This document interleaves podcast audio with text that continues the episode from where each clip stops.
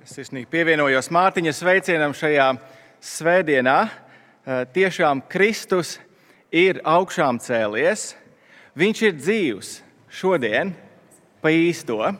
Un kas tā bija par dienu, kas tā bija par dienu, kad pirmie cilvēki, pirmie acu liecinieki saņēma agrā rītā šo vēstījumu, šo ziņu? Eh, šī diena ir aprakstīta Lūkas evanģēlī 24. nodaļā, eh, kas ir 1064. lapas pusē. Mēs šajā brīdī nenolasīsim pilnīgi visu nodaļu, bet es kopā ar jums gribēju nolasīt 24. nodaļas pirmos 12 pantus un pēc tam no 36. panta līdz beigām. Lūkas evanģēlijas 24. nodaļa lasīsim sākot no 1. panta. Nedēļas pirmajā dienā, pašā rīta agrumā, viņas, proti, sievietes, atnāca pie kapa, nesdamas smaržīgās zāles, ko bija sagatavojušas bet tās atrada akmeni no kapa novaltu. Iegājušas iekšā, tās kunga Jēzus miesas neatrada. Kamēr viņas bija apjukušas par to, kas noticis, redzitām blakus nostājās divi vīri, spožās, mirdzošās drānās. Tās izbailēs zemu nolieca galvas, bet viņi tām sacīja: Ko jūs meklējat dzīvo starp mirušajiem? Šeit viņa nav viņš ir augšām cēlies. Atcerieties, ko viņš jums sacīja, vēl būdams Galilejā. Cilvēka dēlam jātiek nodotam grēcinieku, grēcīgu cilvēku rokās, krustā sistam, un trešajā dienā jāceļas no mirušajiem. Un tās atcerējās viņa vārdus. Atgriezušās no kapa, viņas visu pastāstīja tiem 11 un arī pārējiem. Tās bija Marija Magdalēna, un Joanna un Marija Jēkaba māte un vēl citas ar tām, kas pastāstīja to apstuļiem. Taču viņu stāstītais tiem šķita kā blēņas, un tie viņām neticēja. Bet Pēteris piecēlies aizskrēja pie kapa un ielūkojies, tajā redzēja tikai noliktu linu autu, un viņš aizgāja brīnīdamies par to, kas noticis. Un tagad no 36. panta jau vakaram tuvojoties. Viņiem tā runājot, Jēzus nostājās viņu vidū un sacīja viņiem: Miers ar jums! Satrūkušies un baiļu pārņemti, tie domāja, ka redz garu. Bet viņš tiem sacīja: Kādēļ esat satraukti un jūsu sirdīs ceļas šaubas? Uzlūkojiet manas rokas un manas kājas, tas esmu es Aptaustiet mani un skatieties, garam nav miesas un kaulu, kā jūs redzat man. Un to teicis, viņš parādīja viņiem rokas un kājas. Kad viņi no prieka vēl neticēja un, brīnījās, viņš tiem sacīja, vai jums šeit ir kas ēdams? Tad tie iedeva viņam ceptas zivs gabalu, un viņš to ņēma un ēda viņu acu priekšā. Tad viņš teica: Šie ir mani vārdi, ko es jums sacīju, kad biju pie jums. Visam jāpiepildās, kas par mani sacīts Mūzes bauslībā, praviešos un psalmos. Tad viņš lika viņu prātam atvērties, ka tie saprata rakstus un sacīja, tā ir rakstīts, ka Kristus cietīs un augšām celsies no mirušajiem trešajā dienā un viņa vārdā visām tautām, sākot no Jeruzalemes, tiks sludināta atgriešanās, lai saņemtu grēku piedošanu. Jūs tam esat liecinieki. Un redzi, es jums sūtu sava tēva apsolījumu, bet jūs palieciet pilsētā, līdz tapsiet ietērti spēkā no augšienes. Viņš tos izveda ārā līdz pat Betānijai un savas rokas pacēlis svētīja. Kad viņš tos svētīja, notika, ka viņš attālinājās no tiem un tika pacelts debesīs. Tad tie viņu pielūdza un ļoti priecīgi atgriezās Jeruzalemē un pastāvīgi bija templī, slavēdami Dievu. Tas ir kunga vārds par šo brīnumaino, skaisto, svarīgo dienu. Pirms mēs to pārdomājam, lūgsim Dievu. Debesu Tēvs, slava Tev par Kristus evaņģēliju. Kungs, paldies, ka Tu esi atspīdējis mūsu tumšajās sirdīs un mūsu dzīvē ar Kristus gaismu. Tu bezcerībā esi ienesis cerību un, kungs, nāvi uzvarējis dzīvībā. Tev, Jēzu, lai ir gods un slava šajā dienā un vienmēr. Āmen! Šis būs retorisks jautājums. Skaļi neatbildiet, kā parasti bērni, kas iznākuši priekšā atbild uz katehismu jautājumiem. Padomājiet pie sevis nedaudz. Vai, vai tev ir gadījies kādreiz, kad tu pamosties no rīta un tu atviegloti uzelpo, tu uzelpo, jo tas ir bijis tikai sapnis? Nu, ja tev ir tā kādreiz bijis, tu vari būt pamāt ar galvu. Ja tev ir bijis tāds sapnis, tu vienkārši, oh, paldies Dievam, ka tas ir bijis tikai sapnis. Redziet, eh, lielās piekdienas rītā mans jaunākais dēls pamodās nedaudz eh, neomīgs. Un es, es pagaidīšu, viņa. Šis strādās, jā? Ja? Vajadzētu būt labāk nedaudz. Ja, ja, ja nedzird, tad jāsaka, jāceļās kājās, jāsaka, es nedzirdu. Nekas. Man vienkārši jārunā skaļāk, ja? Ļoti labi. Nu, varbūt mēs pamodīsimies no šī kā no ļauna sapņa. Nekas, uh, labi, um, es, es, es turpināšu katrā ziņā. Varbūt skaņa mūs pārsteigs kādā brīdī. Proti, lielās piekdienas rītā mans jaunākais dēls pamodās ar šādu noskaņojumu. Viņš pamodās tāds nedaudz neumīgs, es pat varētu teikt, viņš pamodās satraukts. Viņš bija aizgājis līdz virtuvei, kur bija mana sieva, un Madara viņam vajadzēja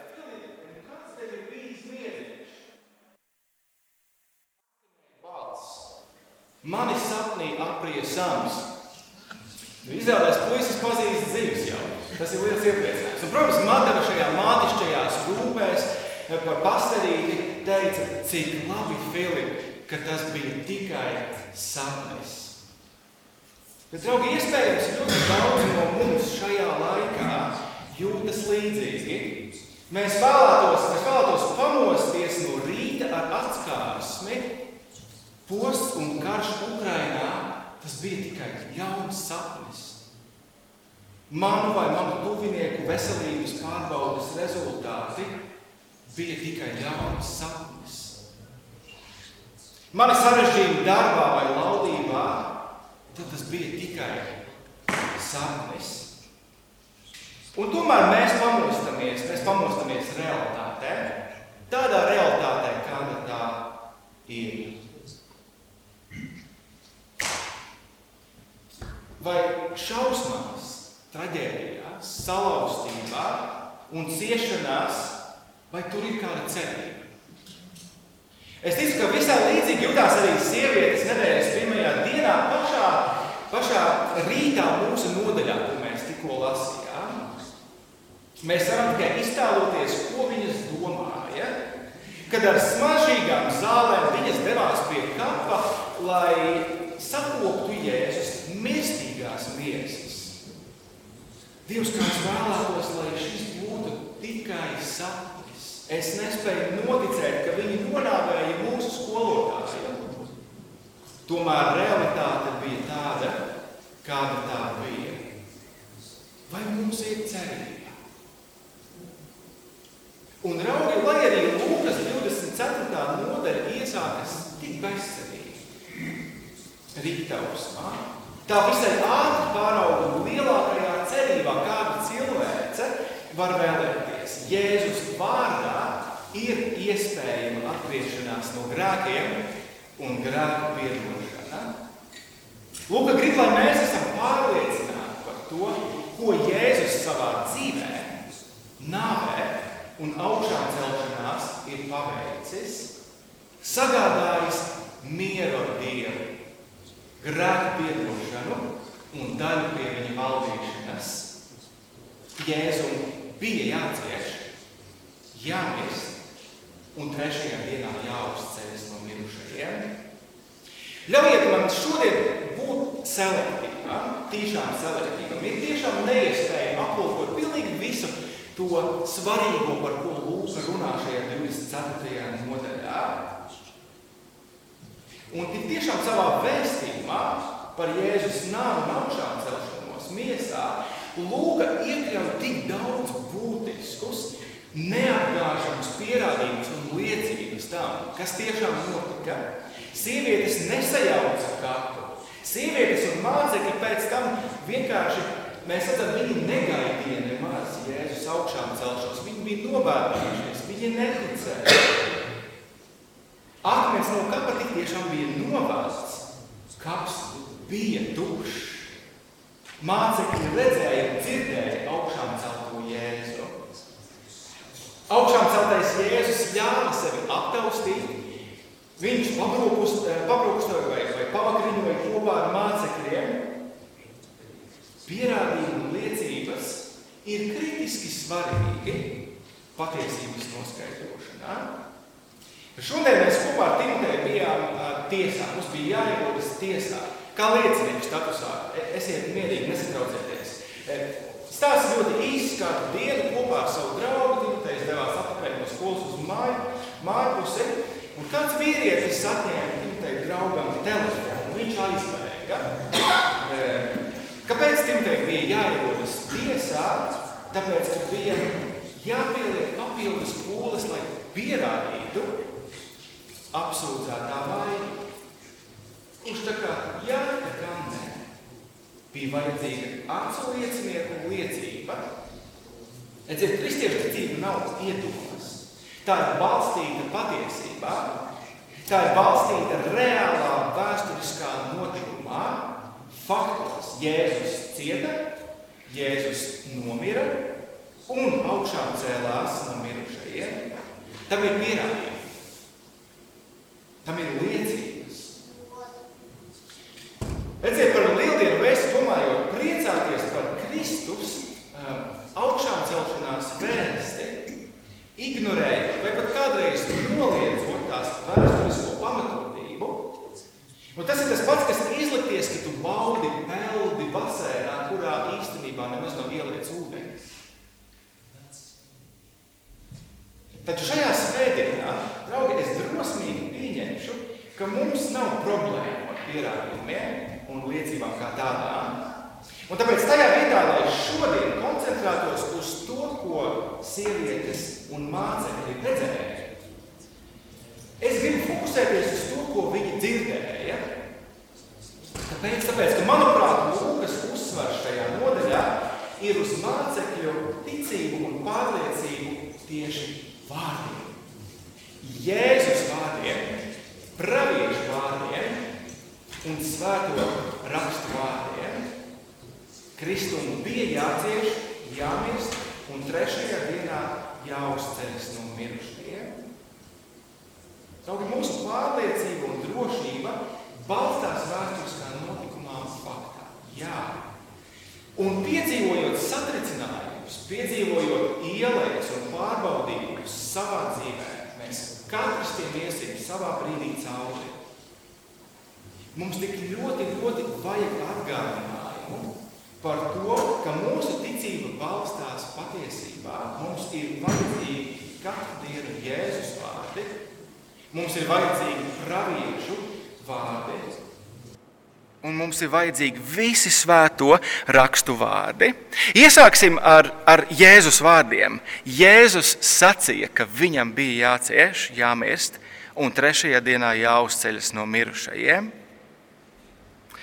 Pirmkārt, Jēzus vārdus tik ļoti, ļoti vajadzēja sievietēm, kas nedēļas pirmajā dienā devās uz Jēzus kapu, lai apkoptu Jēzus mirstīgās miesas. Protams, Lūka grib, lai mēs zinātu, ka tas bija īstais kaps, ka akmens no tā ir novelts, ka Jēzus miesas tajā nebija un ka sievietēm parādījās divi eņģeļi. Bet tā viens šķiet, ka Lūkas fokus ir uz sieviešu neziņu, 4. pāntā, ko darīt ar šo informāciju. Ko darīt ar to? Un uz eņģeļu skaidrojumu viņām. Ieskatieties 6. pāntā. Šeit viņa nav. Viņš ir augšām cēlies. Atcerieties, ko viņš jums sacīja. Cilvēka dēlam jātiek nodotam grēcinieku, grēcīgu cilvēku rokās un krustā sistam, un trešajā dienā jāceļas no mirušajiem. Sievietes bija tik pārņemtas un apjukušas Jēzus augšām celšanās faktu liecību gūzmā, ka viņas pilnīgi palaida garām to, ko viņa īstenībā zināja. Cik bieži vai ne mēs vienkāršas un acīm redzamas lietas varam vienkārši palaist garām, kad mēs esam satraukti. Tas esmu es ar, ar iepirkumu sarakstu Rīgā veikalā. Es simtprocentīgi un katru reizi salaidīšu to grīstē, jo es vienkārši satraucos par šo sarakstu. Eņģeļiem bija jāatgādina pats galvenais - mācība.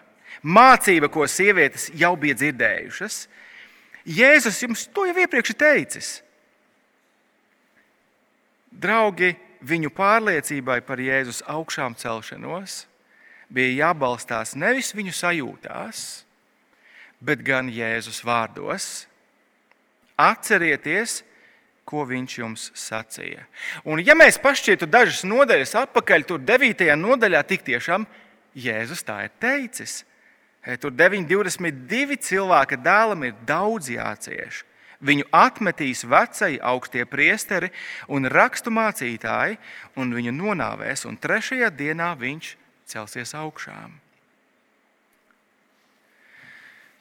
Kur balstās tava pārliecība par to, ka tavs glābējs ir dzīvs. Cik svarīgi ir zināt to, ka mūsu dzīve nebalstās mūsu sajūtās, bet gan Jēzus vārdos pareizi.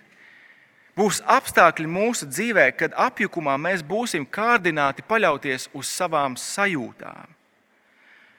Tas var būt satricinājums, ko ienes tuvinieka nāve, pēkšņi veselības sarežģījumi, vai gluži vienkārši cīņa ar grēku. Mūsu sajūtas tādos brīžos mums teiks, cerības nav. Visi bezjēdzība. Tādos brīžos mums ir jābalstās uz Kunga Jēzus vārdiem un nevis uz mūsu emocionālo barometru. Mana pārliecība par manu mūžīgo dzīvību nevar balstīties iekšējā mierā, Jo tik bieži man vienkārši iekšējā miera nav par lietām. Vai arī tas ir tik ļoti trausls, tas ir tik ļoti nepastāvīgs. Nē, manai pārliecībai par to, ka es būšu kopā ar kungu, ir jābalstās Jēzus vārdos. Jāņem ģēlī 10. nodaļā. Jēzus teica, es tām manām avīm dodu mūžīgo dzīvību. Viņas nemūžam neies bojā, un neviens tās neizraus no manas rokas. Nevis mūsu mainīgajās sajūtās, bet Jēzus vārdos. Sievietēm apjukumā bija svarīgi atcerēties Jēzus vārdus, bet otrkārt, nesaprātīgajiem un sirdī kūtrajiem mācekļiem bija svarīgi noticēt tam, ko pravieši sacīja par Jēzu. Tā ir otrā lieta. Mēs izlaidām šo, šo unikālo, tiešām lūkam unikālo 11 km pārgājienu uz Emausu. Un tas ir fascinējoši. Ir cilvēki, kas aizdomu pilni vaicā, nu, paga, kā tas nākās, kā tas nākās, ka šis stāsts ir, ir tikai Lūkā, ka tikai Lūka ir iekļāvis šo vēstījumu. Jā, es nezinu, es, es domāju, līdzīgi pārsteigts bija tas puisis, kas mana dēla draugam uz ielas atņēma telefonu. Viņš bija pārsteigts par to, ka pēc četrām dienām pie viņa darba vietā ieradās policija un tieši viņu apcietināja. Viņš necerēja uz to, ka kāds tūlīt ievāks informāciju no video kamerām, ka kāds tūlīt apvaicāsies pie, pie cilvēkiem, kas bija tajā tūmā, iespējams kas kaut ko bija redzējuši, viņš necerēja. Un redziet, kaut kādā ziņā Lūkas stratēģija ir tieši tāda. Runāt ar cilvēkiem, kas ir redzējuši, runāt ar cilvēkiem, kas ir dzirdējuši Jēzu. Tad nu, pāris no šiem mācekļiem pateicību Dievam. pastāstīja, ka nedēļas pirmajā dienā viņi devās pārgājienā uz Emausu, un kā Jēzus pievienojās viņiem ceļā. Viens no šiem vīriem mums ir nosaukts, viņš ir Kleops. Un viņš, eh, viņa acīs Jēzus, eh, Jēzus kā nokritis no mēnesis, jo viņš šķietami nav neko redzējis, neko dzirdējis par to, kas ir noticis Jeruzalemē, kas ir svarīgākais notikums pēdējos gados. Ieskatieties kopā ar mani 18. pantā, sadaļā, ko mēs nenolasījām. Kleops saka Jēzum. Tu esi vienīgais, kas Jeruzalemē būdams nezini, kas šajās dienās ir noticis. Viņš jautāja, Jēzus jautāja, kas tad? Nu, mani fascinē šis stāsts un Jēzus klusā pieiešana un vienkārši iešana kopā ar šiem diviem. Eh, man, man šķiet, cik, cik labi ir zināt, ka pie augšām celšanās mēs saglabāsim humoru izjūtu pareizi, vai arī kāds to beidzot iegūs. Lai vai kā Jēzus izdabūja no viņiem, par ko tieši ir runa. 19. pāns - Jēzu nacerieti vīru, kas bija pravietis, varants darbos un vārdos, Dieva un visu ļaužu priekšā. Viņu piesita krustā. Nu, abi mācekļi pārstāstīja šo sirdi plosošo lielās piekdienas notikumu. 20. pāns par to, kā virspriesteri un tautas vadoņi nodeva Jēzu notiesājumu piesita krustā. 21. pāns, kā viņi cerēja, ka Jēzus tiešām ir īstais mesija. Un kā dažas sievietes, 22. pāns, ir mācekļus pārsteigušas ar ziņām par tukšo kapu, par pazudušo ķermeni un par eņģeļu parādību. Un, un draugi, pirms Jēzus nedaudz norāja šos divus vīrus, es domāju, viņa sirdi sasildīja šo divu, divu vīru ticības apliecība pilnīgam svešiniekam, jo viņi nepazina Jēzu. Mums, kā lasītājiem, kas zinām lielo kobildi, mums ir ļoti, ļoti grūti izjust, kādā tumsā un izmisumā šie divi ceļnieki visticamāk bija. Cik tuvu klāt viņiem šajā brīdī bija pienācis mierinājums, bet viņi to neredzēja. 16. pāns viņi nesaprata, neatpazina. Un vai nav tā, ka, ka ar mums kādreiz ir ļoti līdzīgi? Tumšajos brīžos mēs pat nenojaušam, cik īstenībā tuvu, tuvu mums ir mierinājums Un te runa nav par tādu virspusēju optimismu, ko mēs kādreiz neapdomīgi viens otram sakam, nu gan jau ka būs labi. Runa ir par tiem brīžiem, kad ticība ir pavisam pie zemes, kad ticība ir sašķaidīta, mēs staigājam tumsā, bez mazākās gaismas, mums ir grūti pacelt galvu. Kristus ir pienācis tādā brīdī pavisam tuvu blakus, bet mēs kādreiz viņu vienkārši neredzam. Un ko tad? Ko tad? Un īstenībā es nezinu, vai jums patiks šajā brīdī mana atbilde. Tā galīgi nebūs terapeitiska atbilde, bet Jēzus arī nav terapeits. Jēzus ir dvēseles ārsts, un viņš saka šiem diviem: Ak, tu nesapratīgais un sirdī kūtrais ticēt! Izskatieties, 25. pantā Jēzus tiem sacīja, ak, jūs nesaprātīgie un sirdī kūtrie ticēt visam, ko runājuši pravieši. Vai Kristum tā nevajadzēja ciest un ieiet savā godībā? Mēs ieraugām ar šiem diviem mācekļiem, ir tas pats stāsts, kas ar sievietēm un diviem eņģeļiem. Draugi, jūs balstāt savu cerību tajā, ko jūsu mīsīgās acis redz, un kā jūs jūtaties. Tajā vietā jums bija jāturpina ticēt tam, ko pravieši jums ir stāstījuši. Jums jau noteikti dikti iet pie sirds, kad Jēzus runāja par Mēsiju kā par varano Dāvida valdnieku, kura valsts pletīsies un miers nebeigsies, un kurš cels un nostiprinās savu valstību. Vai arī Mēsija, tur iesaistās 11. nodaļā, ar taisnību un tiesu viņš nonāvēs savus ienaidniekus un ļaundarus. Jums droši vien šāds mesija iet pie sirds pareizi, bet kāpēc jūs neticat tam pašam Iesajam, kurš runā par mesiju, kurš cieš?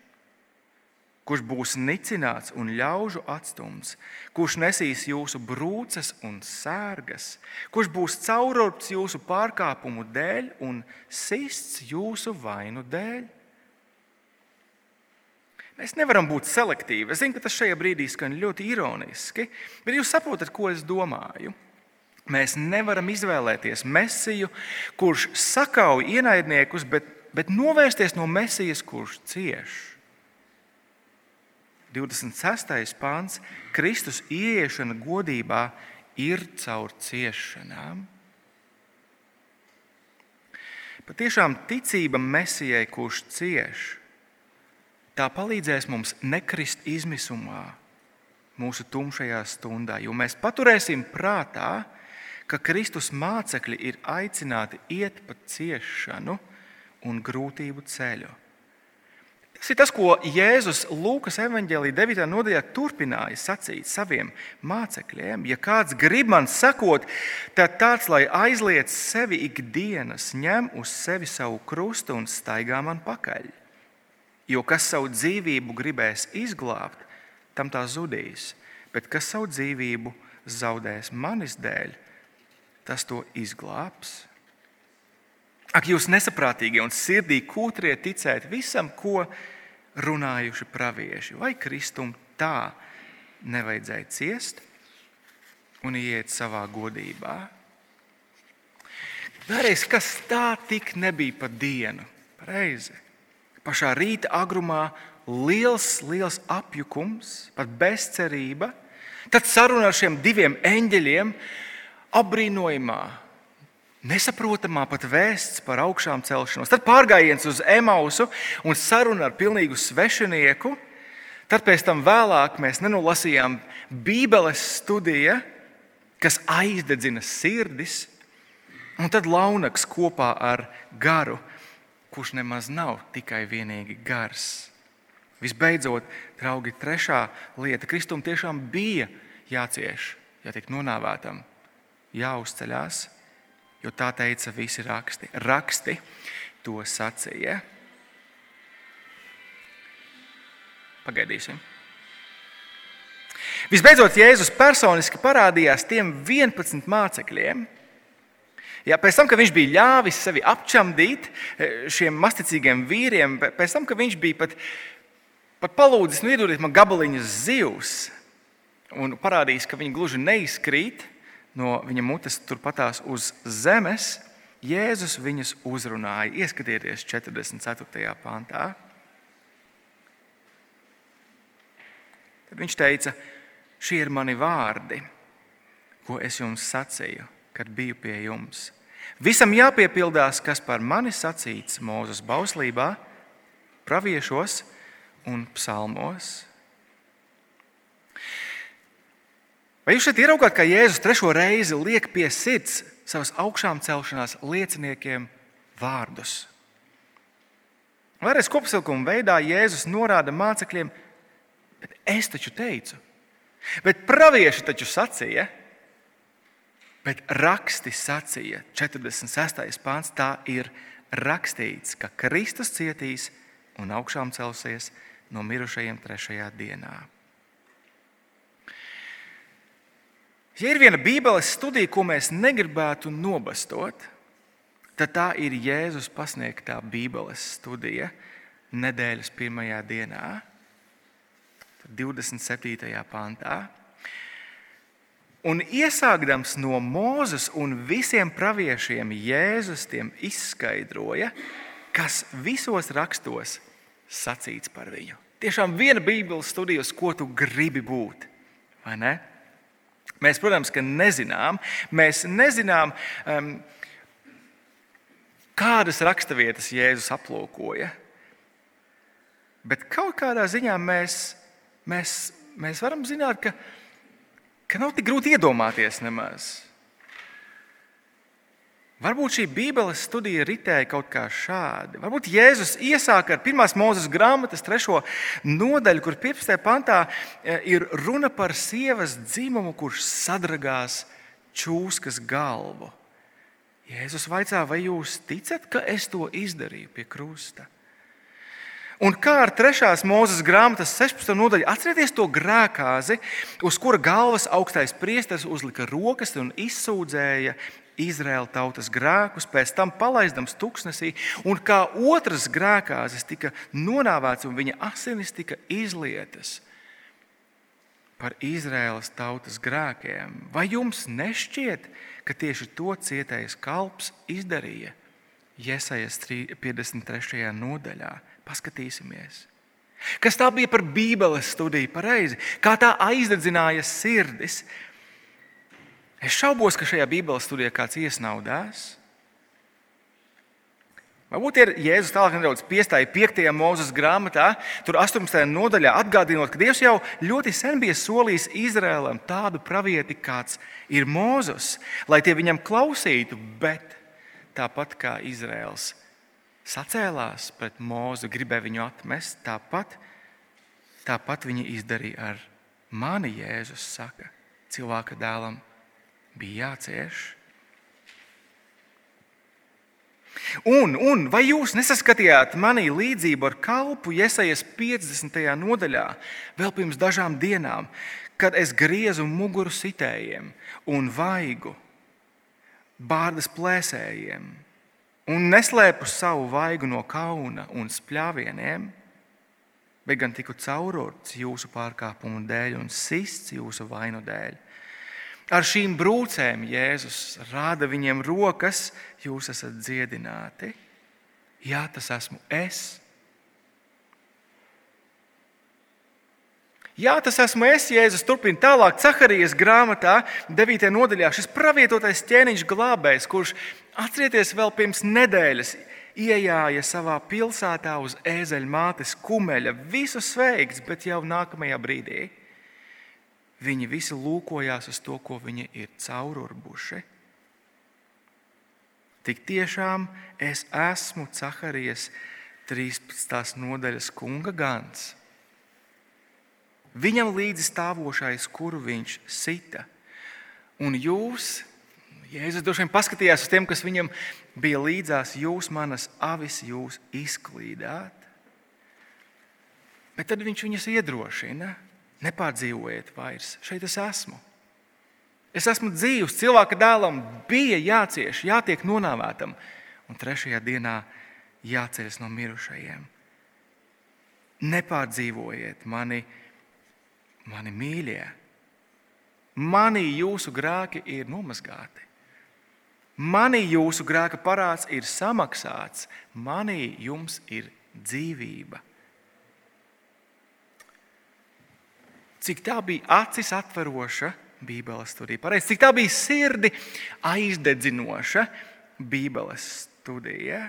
Bet kāds bija šīs nedēļas pirmās dienas Bībeles studijas pielietojums? Ieskatieties 47. pantā.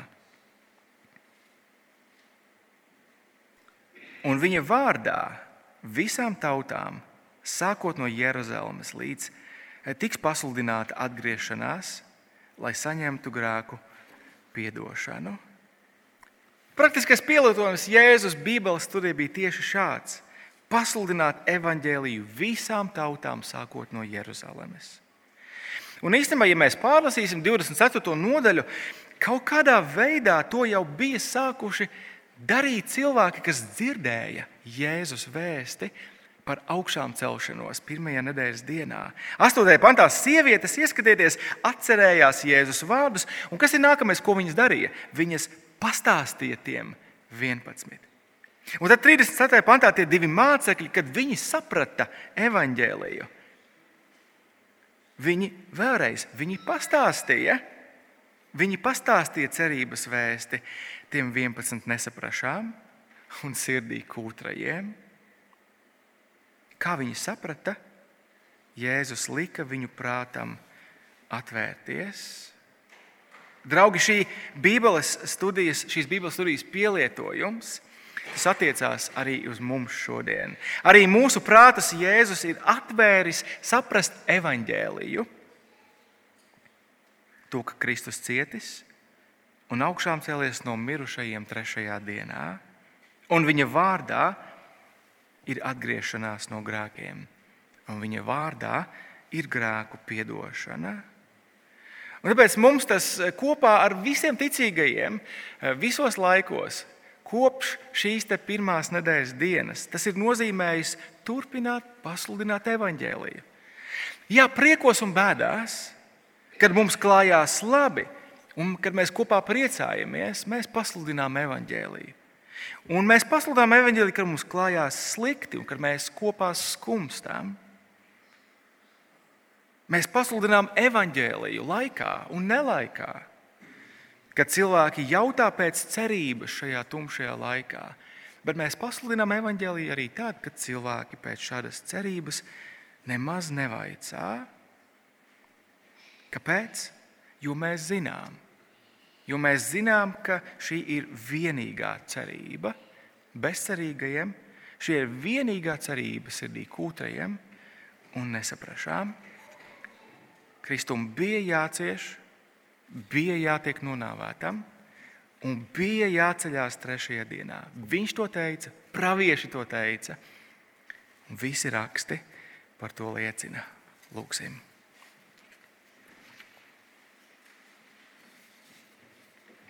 Tik tiešām debesu Tēvs, kas tā bija par dienu. Mēs te pateicamies par par spēku, par cerību, par dzīvību, ko tava augšām celšanās no mirušajiem ir dāvājusi visiem tiem, kas uz tevi paļaujas, kas tevi piesauc, kas uz tevi cer. Un, kungs, tāpēc mēs lūdzam, ka šajā dienā to var būt klāt visiem no mums, katram savā veidā, Pat līdzīgi kā tiem diviem mācekļiem uz Emausa ceļa, ka tu vari iedrošināt tos, kas ir sagrauti, noskumuši, sērās, bezcerībā. Un, kungs, mēs lūdzam, ka tu vari atgādināt mums, varbūt kādiem, kas esam sirdī kūtri palikuši, ka tu esi augšām celtais kungs un glābējs un ka tava vēsts ir varenākā un brīnišķīgākā visā pasaulē, ka tev kalpot un tavu vēsti nest ir labākais, ko mēs varam darīt. Kungs apbruņo mūs ar pacietību, un prieku un spēku un cerību šajā dienā Jēzus vārdā. Amen!